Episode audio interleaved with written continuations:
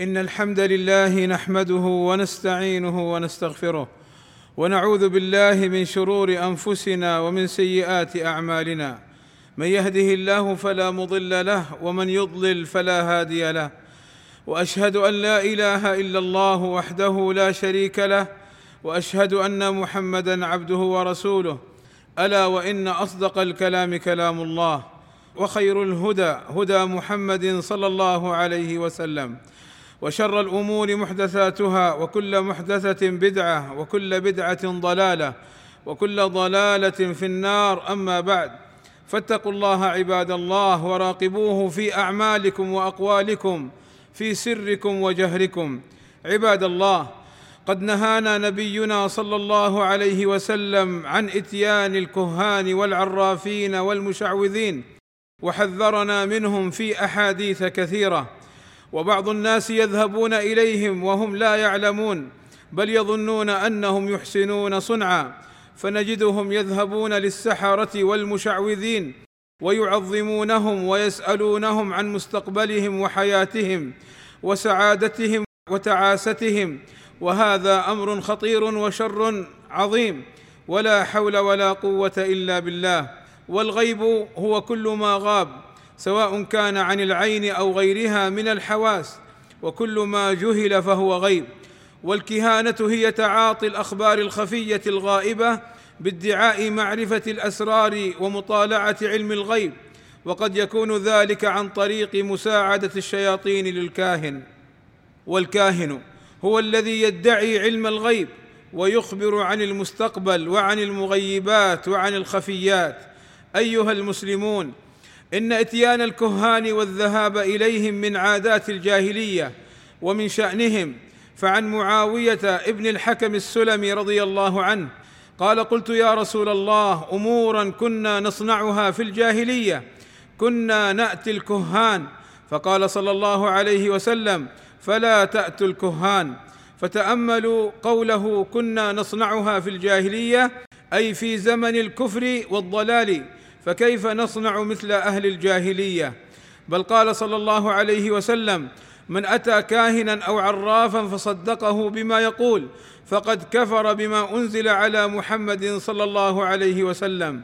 فالذي أنزل على نبينا صلى الله عليه وسلم آيات منها قوله تعالى قل لا يعلم من في السماوات والأرض الغيب إلا الله فمن أتى الكهان والعرافين والمشعوذين وصدقهم صار مكذبا بما جاء في القرآن العظيم من أن الله سبحانه وتعالى هو المتفرد بعلم الغيب وحده. ومن أتى الكهان لا تقبل له صلاة أربعين ليلة وإن صلاها وإن لم يصدقهم فلا يجوز إتيانهم. ولو قال أنا لا أصدقهم قال صلى الله عليه وسلم من أتى عرافا فسأله عن شيء لم تقبل له صلاة أربعين ليلة فبمجرد إتيانهم يعاقب فاعله أن لا تقبل صلاته أربعين ليلة ويجب أن يصلي ولا تقبل منه. وليس منا من تعاطى الكهانة وليس من المسلمين من ذهب إليهم وطلب منهم أن يخبروه بما سيحصل له أو عن أمر غيبي. قال صلى الله عليه وسلم ليس منا من تكهن أو تكهن له. فقوله صلى الله عليه وسلم ليس منا هذا وعيد شديد. وقوله صلى الله عليه وسلم من تكهن أي الكاهن. وقوله صلى الله عليه وسلم أو تكهن له أي من يأتيهم ويسألهم ويسمع كلامهم فاحذر يا عبد الله أن تكون منهم.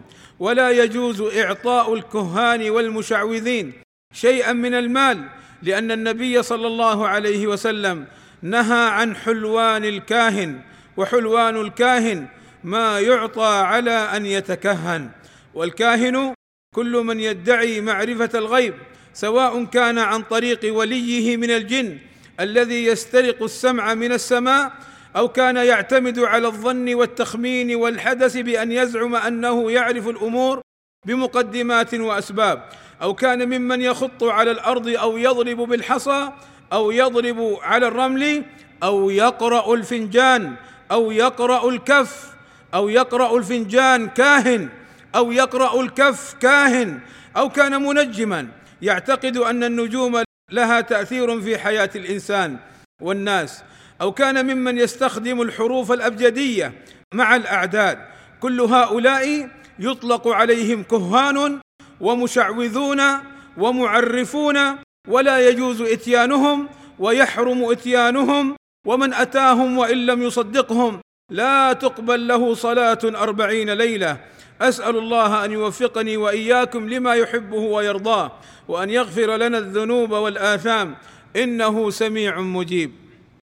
الحمد لله رب العالمين والصلاة والسلام على المبعوث رحمة للعالمين. وعلى آله وصحبه أجمعين. يردد بعض الناس كلمة يظنونها حقا وهي باطل من القول ألا وهي أن هؤلاء الكهان والعرافين والمنجمين والمشعوذين يخبرونهم بأمور وتقع كما يقولون ويستدلون بهذا الأمر أي على وقوع ما أخبر به هؤلاء الكهان والمشعوذون يستدلون بهذا الأمر على أن هؤلاء المشعوذين صادقون وليس الأمر كما يظنون كما بينه النبي صلى الله عليه وسلم حين سئل عن هذا الكلام بعينه فعن أم المؤمنين عائشة رضي الله عنها وأرضاها قالت سأل أناس رسول الله صلى الله عليه وسلم عن الكهان فقال صلى الله عليه وسلم لهم ليسوا بشيء قالوا يا رسول الله فإنهم يحدثون أحيانا بالشيء يكون حقا. فقال صلى الله عليه وسلم تلك الكلمة من الحق يخطفها الجني فيقرها في أذن وليه قر الدجاجة فيخلطون فيها أكثر من مائه كذبة. فقوله صلى الله عليه وسلم ليسوا بشيء أي أن الكهان كذبة فجرة ولا يعلمون الغيب. وأن ما يقولونه باطل من القول لا صحة له إلا الكلمة التي يسمعها الجني ويبلغها الكاهن ومع ذلك يكذب معها أكثر من مائه كذبة. فهؤلاء الكهان ليسوا بشيء فليسوا بأولياء الله وليست لهم كرامة والعامة قد تسميهم السيد أو الولي. هؤلاء فجرة أعداء الله كما يظنه بعض من يجهل حالهم فمن ادعى الولاية واستدل عليها بإخباره ببعض المغيبات فهو من أولياء الشيطان لا من أولياء الرحمن. إذ الكرامة أمر يجريه الله على يد عبده المؤمن المتقي وهؤلاء ليسوا بمتقين. أيها المسلمون كيف تشاهدون في هذا الطبق الفضائي؟ الدش من يدعي أنه يعلم الغيب يعلم مستقبلكم يعلم أسعداء أم أشقياء وما سيحصل لكم؟ وكيف تقرؤون في الجرائد تلك الأبراج التي يدعي أصحابها أن مواليد كل برج يستطيع أن يعلم مستقبله منها؟ وهذه والله إحدى المصائب التي انطلت وسرت على بعض المسلمين لبعدهم عن دينهم لأن ادعاء علم الغيب كفر بالله وتكذيب بالقرآن. أما قال الله تعالى قل لا يعلم من في السماوات والأرض الغيب إلا الله ثم يأتي بعض المسلمين ويسألون هذا العراف وهذا الكاهن عن مستقبلهم وما سيحصل لهم.